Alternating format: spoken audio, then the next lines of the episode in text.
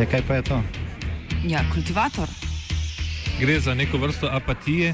To lahko reče samo kreten, noben drug. Socialni invalid in ga je ne mogoče urejati. Drugi kandidat. Pa, pa pije, kadi, masturbira, vse kako ti lahko reče. Nihče tega ne ve. Vsak petek skultiviramo dogodek tedna. Lahko po kriterijih radio študent, težko pa po evropskih kriterijih. Ampak na drug način, kot vi to mislite. Kultivator vedno užge. Da pač nekdo sploh omenja probleme, ki so, in da pravzaprav sploh nekdo sproži dogajanje uh, v družbi. To drži, drži. Hvala lepa in dobro večer, lep pozdrav vsem skupaj. Izvršilni odbor Nove Slovenije je po obsežni razpravi soglasno sprejel naslednja dva sklepa. Prvič, Nova Slovenija se umika iz pogajanj za koalicijo šestih strank zbranih okrog Marjana Šarca. Drugič, izvršilni odbor Nove Slovenije ugotavlja, da je bil na pogajanjih dosežen znaten napredek, vendar pa izraža velike pomislike glede stabilnosti in trajnosti koalicije šestih različnih strank. Tako je malo pred deveto zvečer v ponedeljek predsednik Nove Slovenije Matej Tonin naznanil, da se njegova stranka umika iz koalicijskih pogajanj s peterico strank tako imenovane leve sredine. Že sama postavitev funkcionarjev na podiju je bila zgovorna. Ob Mateju Toninu oba podpredsednika, dobrovoljni Valentin Hajdinjak ter pred kamerami nekoliko sramežljiva politična novinka, sicer doktorica veterine Marija Rogar. V ozadju je suvereno in brezizrazno stal glavni tajnik Robert Tilc, na obrobju pa sta se, nekoliko nezadovoljna nad svojo marginalnostjo, prestopala Ljudmila Novak in Lojze Petrle.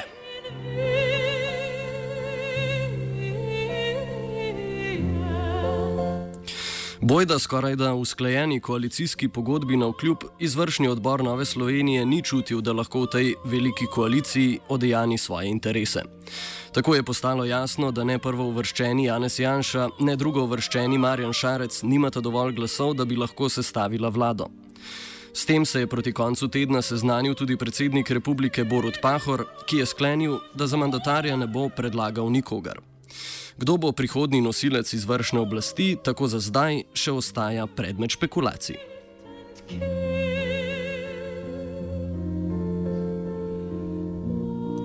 In teh je res ogromno. Med mnenjskimi voditelji je postala priljubljena teza, da se je Tonin pogajal s figo v žepu, da je bil njegov glavni namen zavlačevanje in posledično časovni pritisk stra na stranke tako imenovanega sredinskega bloka, ki bi se potem zaradi pretne slabega rezultata na potencijalnih prečasnih volitvah pridružile koaliciji pod vodstvom SDS. To tezo morda najbolje povzema stališče nekdanjega poslanca Zvoneta Laha, ki je v preteklosti zapustil obe desni stranki, tako SDS kot NSI. Če je mm, SDS uh, Janez Janša SP, ne? potem je Nova Slovenija zdaj pod novim vodstvom uh, pa poštni nabiralnik. Uh, razumete? Druga teorija pravi, da se je Nova Slovenija pogajala iskreno, izpogajala kar se da ugodno koalicijsko pogodbo, od pogajanj pa odstopila, da bi svoje konzervativne voljivce prepričala, da je storila vse, da pride do vlade Janeza Janše. V mandatarsko glasovalnem finišu pa bo vstopila v vlado Šarca pod pretvezo državotvornosti.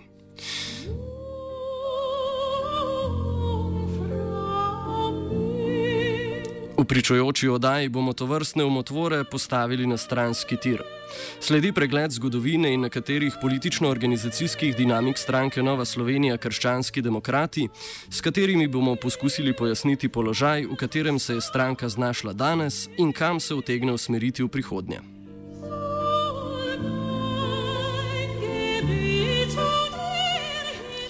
Začetki današnje nove Slovenije segajo v 90. leta prejšnjega stoletja. Stranka se je takrat imenovala Slovenski krščanski demokrati, krajše SKD, in je predstavljala enega od stebrov koalicije Demos. Zgodovinar Luka Lisja Gabrielčič pojasni, da se je SKD razvila iz krščansko-socialnega gibanja in se kasneje učila biti oblastna stranka.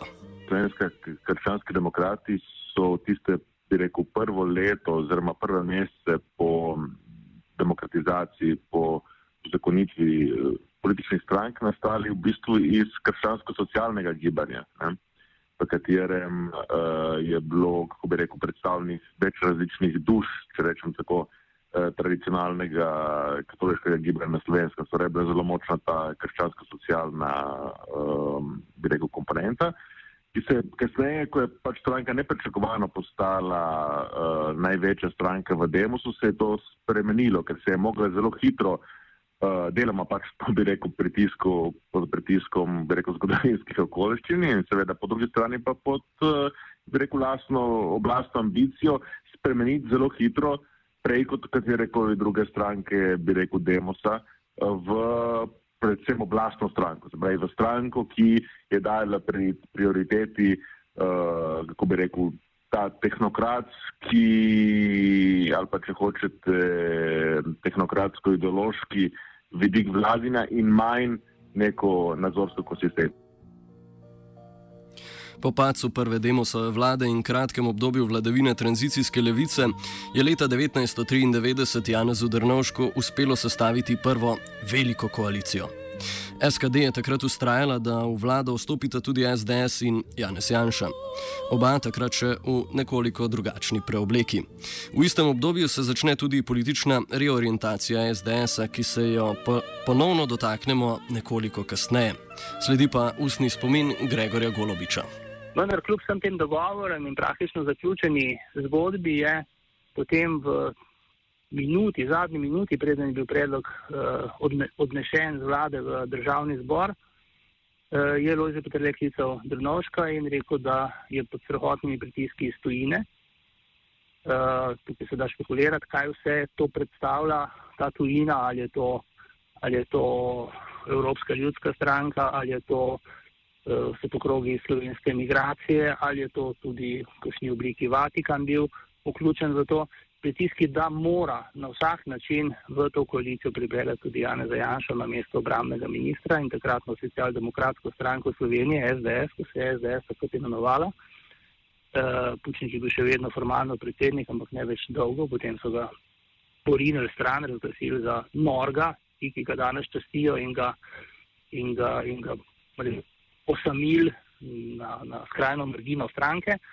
Uh, da on pač ne sme, Lojze Petrle, torej ne sme in krščanski demokrati iti v koalicijo, v kateri ne bo tudi tega človeka na takšnem položaju in on je to pač postavil kot, kot pogoj, sicer priklicuje vse. Drnoško je to v veliki meri presedalo po vseh teh mukah, ki jih je že imel sestavljanje koalicije in rekel, da on načeloma ni za to, da pa bo povprašal, ali se tista druga koalicijska stranka, združeni socialni demokratov, s tem strinja. In da vse so se oni strinjali s tem na podlagi neke čudaške predpostavke, da, bo, uh, da jim bo to olajšalo združitev pučnikov SDS z njihovo stranko, kar se seveda ni zgodilo. Pučnik je bil, kot sem omenil, potem odstranjen in, in uh, potem smo bili pač priča neki totalni reorientaciji socialdemokratske stranke Slovenije, pučnikove v neko stranko, ki želi Eh,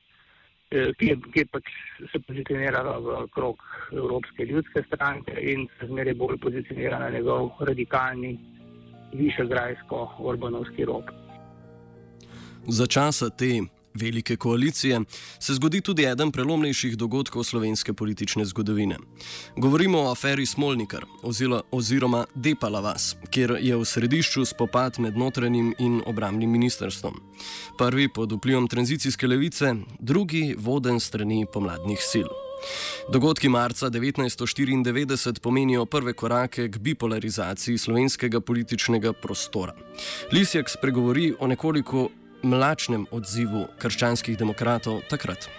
Repela vas je ključna za, bi rekel, celotno zgodovino slovenske politike. Takrat se začne, uh, bi rekel, prehod iz nekega bolj konsociativnega modela, če se tako reči, v bolj polarizacijski model politike, vendar kljub temu se moramo spomniti, da traja vsaj še deset let, preden do tega dejansko pride. V, v tistem trenutku se znajde krščanska demokracija v zelo kočljivi situaciji, ker po eni strani poskuša simpatizirati z pozicijami Janeza Janša, ne pozabimo, da je um, se pravi, danes slovenska, torej socialdemokratska stranka Janeza Janša prišla v vlado pod, uh, bi rekel, um, po nagovarjanju, po, po lobiranju Lojzeta Petrleta, ker je hotel, da bi, da bi ta koalicijska vlada imela, torej, da bi bili pomladni elementi v tej koaliciji močnejši. In tudi se ni, seveda, SKD se ni želela izstopa um, takrat SDS-a iz koalicije, istočasno pa se ni, pa je se odločil kljub temu, da ostane v Donoškovi vladi. In eh, bi rekel, ta mobilizacija desnega volilnega telesa, ki se začne takrat leta uh, eh, 94 in ki se kasneje izteče predvsem v, bi rekel, velik porast, oziroma nastanek na nek način SDS-a kot, kot velike, uh, najprej opozicijske stranke, drugi strani pa tudi okrepitev SLS-a, ne se pravi, ta, ta nova dinamika najde SKD nepripravljeno, ker še vedno razmišlja znotraj, bi rekel, konceptov uh, logike, bom, bomo rekli, velikih koalicij. Po koncu Drnovškove vlade narodne enotnosti leta 1997 se stranka SKD za tri leta preseli nazaj v opozicijo. Opozicijska stranka ostane vse do leta 2000, ko se z nekdanjo Demosovsko zaveznico Slovensko ljudsko stranko združita. Zadeva je nekoliko narodna, saj je SLS v tistem času koalicijska stranka in menda ena bolj napornih koalicijskih partneric. Združevanje teh dveh strank naj bi po dominantni levičarski interpretaciji sponzorirala Rimokatoliška crkva in Janez Janša. SLS-ovi ministri po združitvi izstopijo iz Drnovške vlade, zato premijer postane krščanski demokrat Andrej Bajuk. A združitev ne prinese tudi harmonije.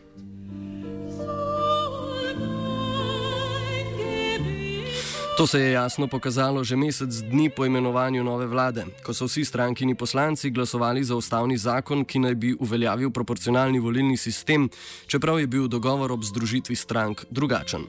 Petrle je ustrajal pri uveljavitvi referendumske volje državljanov, ki so glasovali za večinski sistem. Bajuk in Petrle ustanovita novo stranko, novo Slovenijo. Slednjo zaznamuje dinamika med krščansko-socialno bazo in vaj, oblasti vajenimi funkcionarji. Tisti, ki se leta takrat 2000, 2000 odločijo, da bodo ustanovili NSC, eh, so, so, večinoma gre vendar za, za ljudi uh, in za aktiviste SKD, ki so bili bolj, kako bi rekel, bolj grassroots element, ne? se pravi ljudje, ki so bili bolj. Um, bolj vezani na neke ideale krščanske demokracije, na neke uh, načela, uh, kako so se jih pač predstavljali. Uh, ne, ne pa povsem, ne, na zadnje imamo, uh, je ta kontinuiteta uh, Lojceta Petrleta, ki potem postane vidni obraz NSI-ja, kaže na to dvojnost, ne, se pravi, da, da, da, da NSI ima vedno sabo za dvojnost. Po eni strani je seveda stranka, ki je, rekel, rojena tam leta 2000, skupaj z, z, z razkolom na, na pomladni strani in so oni izrazito postavili na stran Jana Zajanša proti uh, tedanjemu, tedanjemu establishmentu SLS-a, uh, recimo Jožetu Zakožnu in, in bi rekel uh, vodstvu tedanje združene stranke, po drugi strani pa ohranijo velik del, kako bi rekel, politične mentalitete, načinov razmišljanja, ob, ob, obzori predstav, ki jih je imela nekdanja uh, SKD. Nova Slovenija se danes poskuša profilirati kot stranka z izredno ekonomsko-liberalnim programom. A skozi zgodovino ni bilo vedno tako. Politične desnice namreč med tranzicijo podpirala bolj gradualističen pristop v ekonomiji. Poroko desnice z neoliberalizmom lahko opazujemo šele v zgodnih 2000-ih glavni prerok deregulacije, liberalizacije in privatizacije, pa takrat še ni Nova Slovenija, ampak krogi mlade ekonomistov okrog Janševe SDS. Med njimi in finančnim ministrom Andrejem Bajukom v prvi Janševi vladi je prihajalo do dogmatskih nestrinjanj. Znotraj Janševe vlade to trenje, ki obstaja na eni strani med ministrom za finance Andrejem Bajukom. In ne pozabimo, ki ima za sekretarko za proračun uh, Alenko Bratošek. Ne? Se pravi, imamo tukaj Andreja Bajuka in njegovo ekipo, uh, ki je bolj zasidrana v neki starejši, ordoliberalni, če hočemo tako reči, uh, tradiciji. Če berete Bajukove tekste, tukaj zelo dosti nekih krščansko-socialnih elementov, ne bi rekel, znotraj te ordoliberalne tradicije. In na drugi strani, uh, bi rekel, to novo ekonomsko ekipo, uh, ki jo je zbral Janez Janša. In tukaj, recimo, glede davčne reforme, so tukaj trenje med, med ministrstvom za finance, ki ga vodi Bajuk in uh, to ekipo ekonomistov, in da ne pride, recimo, do uvedbe enotne davčne stopnje, je uh, predvsem zasluga ali pa maslo, ne, z katerega velika pač hočete to uh, interpretirati, Andreja Bajuka. Izrazite se Nova Slovenija kot klasično liberalna ali, če hočete, neoliberalna stranka začne promovirati po propadu projekta državljanske liste Gregorja Viranta, ki je takrat združila večji del Janševega mladoekonomističnega kroga. Predvsem po propadu projekta Viranta, ne, uh, NSI najde neko nišo v, rekel, v tem neoliberalnem programu, ker vidi, da je ostala pravzaprav edina stranka, ki lahko to na nek konsistenten ali pa kredibilen način zagovarja. No, Nova Slovenija po državno-zborskih volitvah leta 2008 ostane pred vrati državnega zbora. Lisjak vzroke za to vidi predvsem v zdaj že dovršeni bipolarizaciji političnega prostora, katerega poraženci so manjše stranke na levi in desni.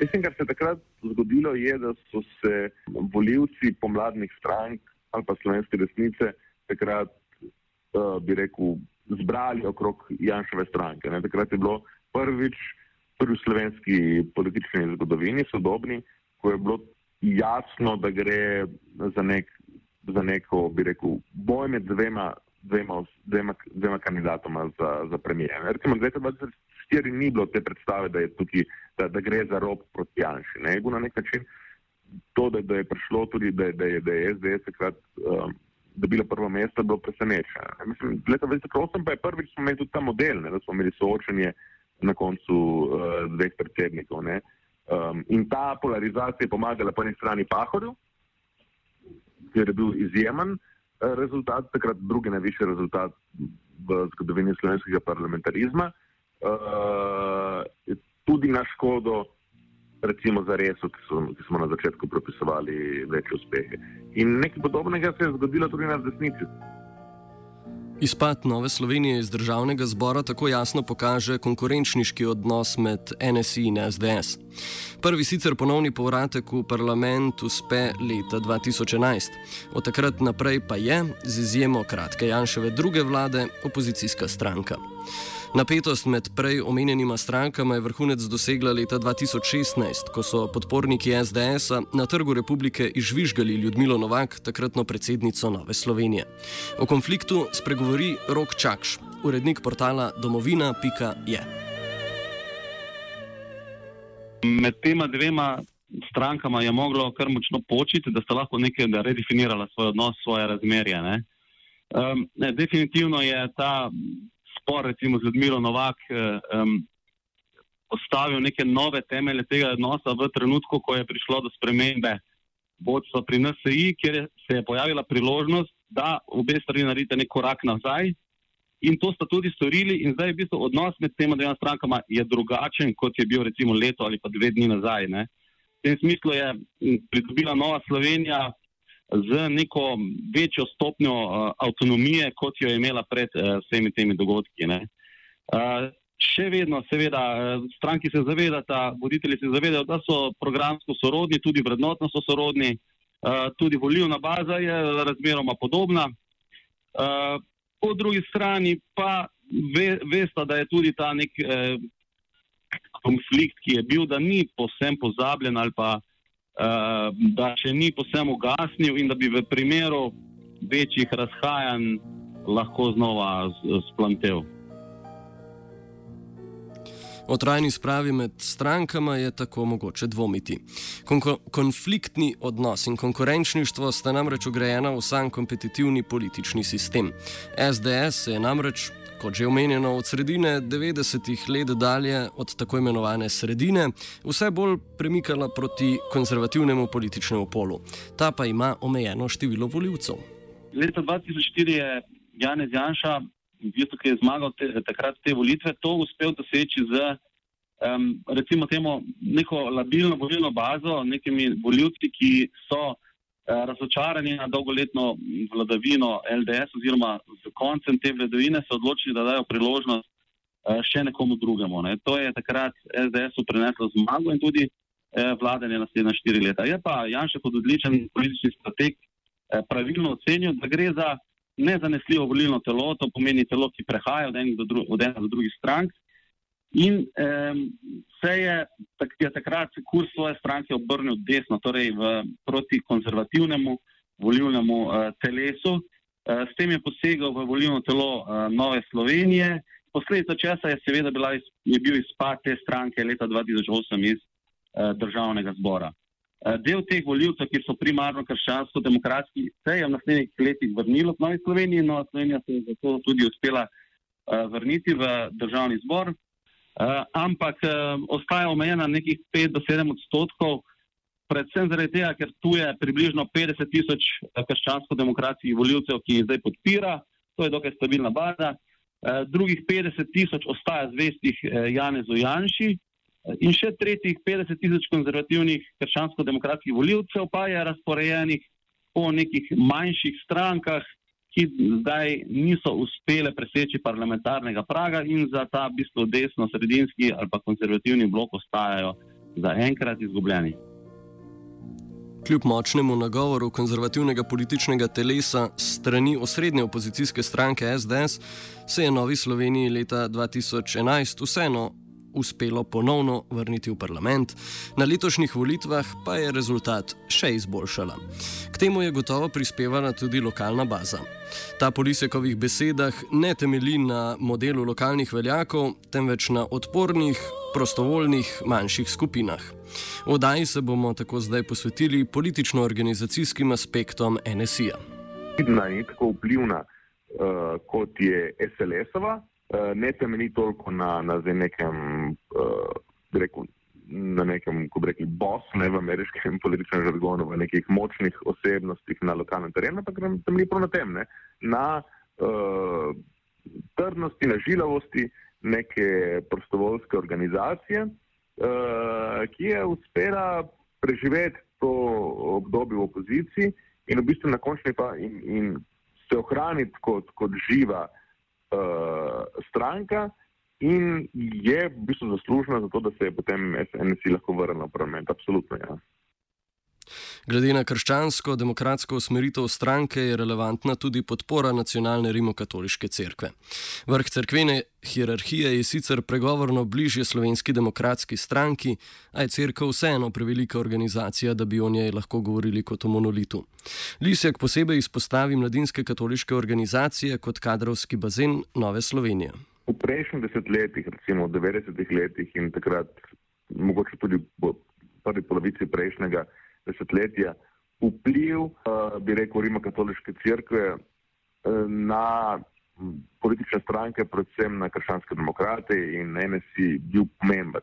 Tako rečemo, katoliška crkva moramo tudi zavedati, da to je zelo širok pojem, ne, da, da, da na eni strani imamo hierarhijo, ki lahko reče, ki lahko mogoče uh, k čemu prispeva, ki pa dejansko kakega realnega vpliva na tej ravni ne more imeti. Ne. Imamo pa po drugi strani zelo močno mrežo katoliških organizacij, uh, ki obstajajo, ki, ki povezujejo uh, velik del uh, državljanov in ki so, uh, kako bi rekel, ki so, ki so v, v dobršni meri nepolitične, ne, ampak vseeno predstavljajo nek fenomenalen bazen, iz katerega se lahko, bi rekel, um, črpajo aktivisti tudi za, za, za neke politike, za neke politične projekte krščansko-demokratskega značaja. Mislim, da, da predvsem iz tega vidika um, se kaže in iz tega vidika tudi mogoče razumeti uh, neko presenetljivo žilavost.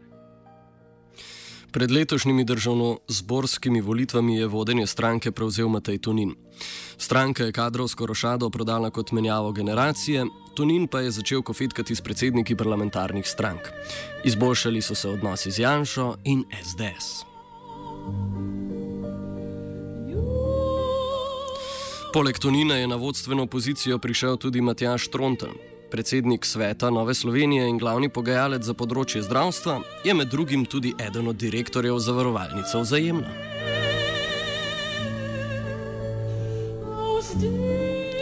Podpredsednik je postal Valentin Hajdinjak, še pred nekaj meseci javni predstavnik podjetja T2, ki toži državni telekom. Hajdinjak je sicer direktor družbe Hipofiza DOO, ta pa je v 100-odstotni lasti podjetja Gratel. Gre za podjetje, ki je za Telekom gradilo telekomunikacijsko omrežje. Njegov lastnik je Juri Krč, brat Štefana Krča, ki je preko podjetja Garnol lastnik podjetja T2. V podjetju T2 je bila lasniško udeležena tudi Mariborska načkofija. Brat Mariborskega načkofa Miran Kramberger pa je nekdani visoki funkcionar Telekoma in član, uganili ste, Nove Slovenije. Podjetje Hipofiza, kjer je Hajdinjak direktor, je od leta 2008 pridobilo za 1,5 milijona državnih sredstev. Od začetka njegovega direktorovanja, januarja lani, pa dobre 103 tisočake. Kapitalske povezave komentira Golobič. Tisto, kar je zanimivo, je, da, je, da so te stranke sistematično iz mandata v mandat zahtevale in tudi tako rekoč uspevale pri tem, da je pač koalicija zmeri kompromis, eh, področju cest ne zato, mogoče, mogoče ne zato, ker se je avtocest izgradna avtocest imenovala cestni križ, ampak, ampak zaradi denarja, ki se je v tem križu vrtel, povezal z gradbenimi podjetji nekaterimi, ki si niso neznane. To je, to bil en tak specifičen interes, ki smo ga vedeli in ga pač poskušali omejevati, kolikor se je dal. Uh, tako da pojav, da bi nekdo, ki je recimo vodilni kader neke zavarovalnice, sodeloval v nekih policijskih pogajanjih, kar se dogaja zdaj, te, če kaj takega jaz ne pom. Imamo tudi drugo situacijo, imate človeka, ki je zelo involviran enega telekomunikacijskega operaterja T2, Valentina Hajdinjaka, ki je podpredsednik te stranke. In ta T2 ima velike, bom rekel, podjetje T2 ima velike vložke v relaciji do nekaterih drugih državnih podjetij. Lisjak izpostavi kontinuiteto v zavarovalnici vzajemna, ki jo je nekaj časa vodil podpornik desnice France Arhar.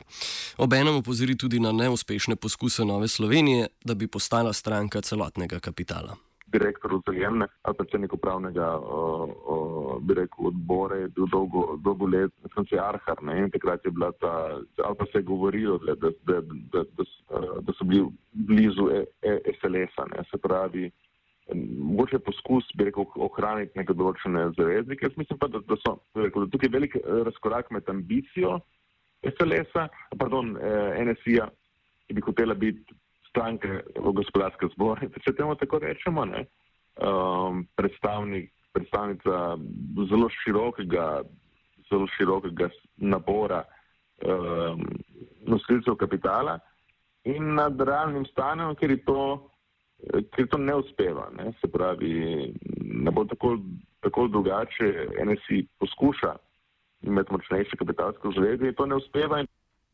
Čeprav naj bi stranka Nova Slovenija dobila večino programskih zahtev v koalicijskih pogovorjih z Marjanom Šarcem, je od njih vseeno odstopila.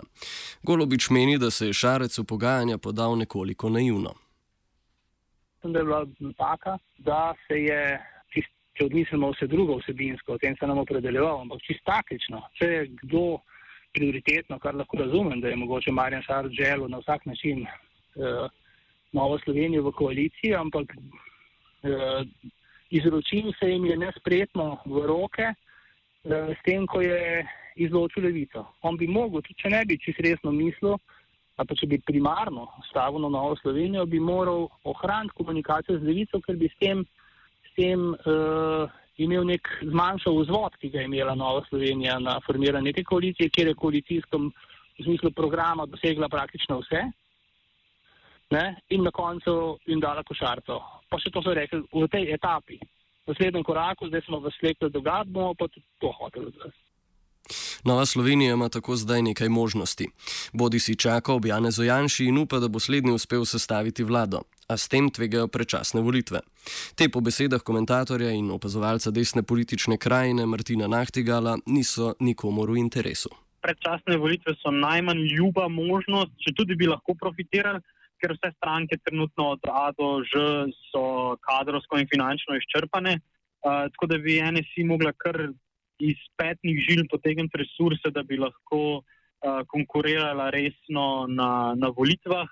Bi pa, če bi bile volitve hmalo, bi ta imič državniški, če rečemo, gospoda Tonina, lahko prinesel več odstotkov, ampak bistveno ne bi spremenil situacije, ker ostali, ostala delitev, če rečemo, dve tretjini, tretjina levo, desno. Vprašanje, koliko močno bi se premaknila proti 50-50, verjetno ne. ne. Druga možnost je, da ponovno premislijo o svoji udeležbi v levo-sredinski vladi. Glede na konzervativno bazo, ki včasih še Janšo porogljivo označuje za komunista, bi se jim to znalo maščevati. Več nahtigal. Jaz mislim, da bi bil vstop v Šarčevo koalicijo brez tega, da se vsaj članstvo in simpatizerstvo uh, javno oziroma pač jasno vsaj uh, obelodani vse detajle um, bodoče koalicijske pogodbe in da je notri tudi zaveza uh, glede sodelovanja z levico, kadar se ne koalicija ne bo uspela uskladiti. In če to ni ne bo sposoben na nekem organu ali na nekem širšem gremiju članstva, uh, sposoben zagotoviti in voljan zagotoviti, da v prvi situaciji ko bodo izigrani z glasovanjem, da odkorakajo neizpodbitno in brez nekega prerekanja ven iz koalicije, bo to zamajalo temelje Nove Slovenije, predvsem glede njihove sposobnosti vstopa v naslednjo koalicijo oziroma v naslednjo, naslednji parlamentarni sklic, ker večina članstva se ne bo strinjala z vstopanjem v tako koalicijo, kjer je javno predvsem veliko preveč neznanega. Da bi se vendarle že nekaj zgodilo, si v etru je reša, že drugi želi zupan.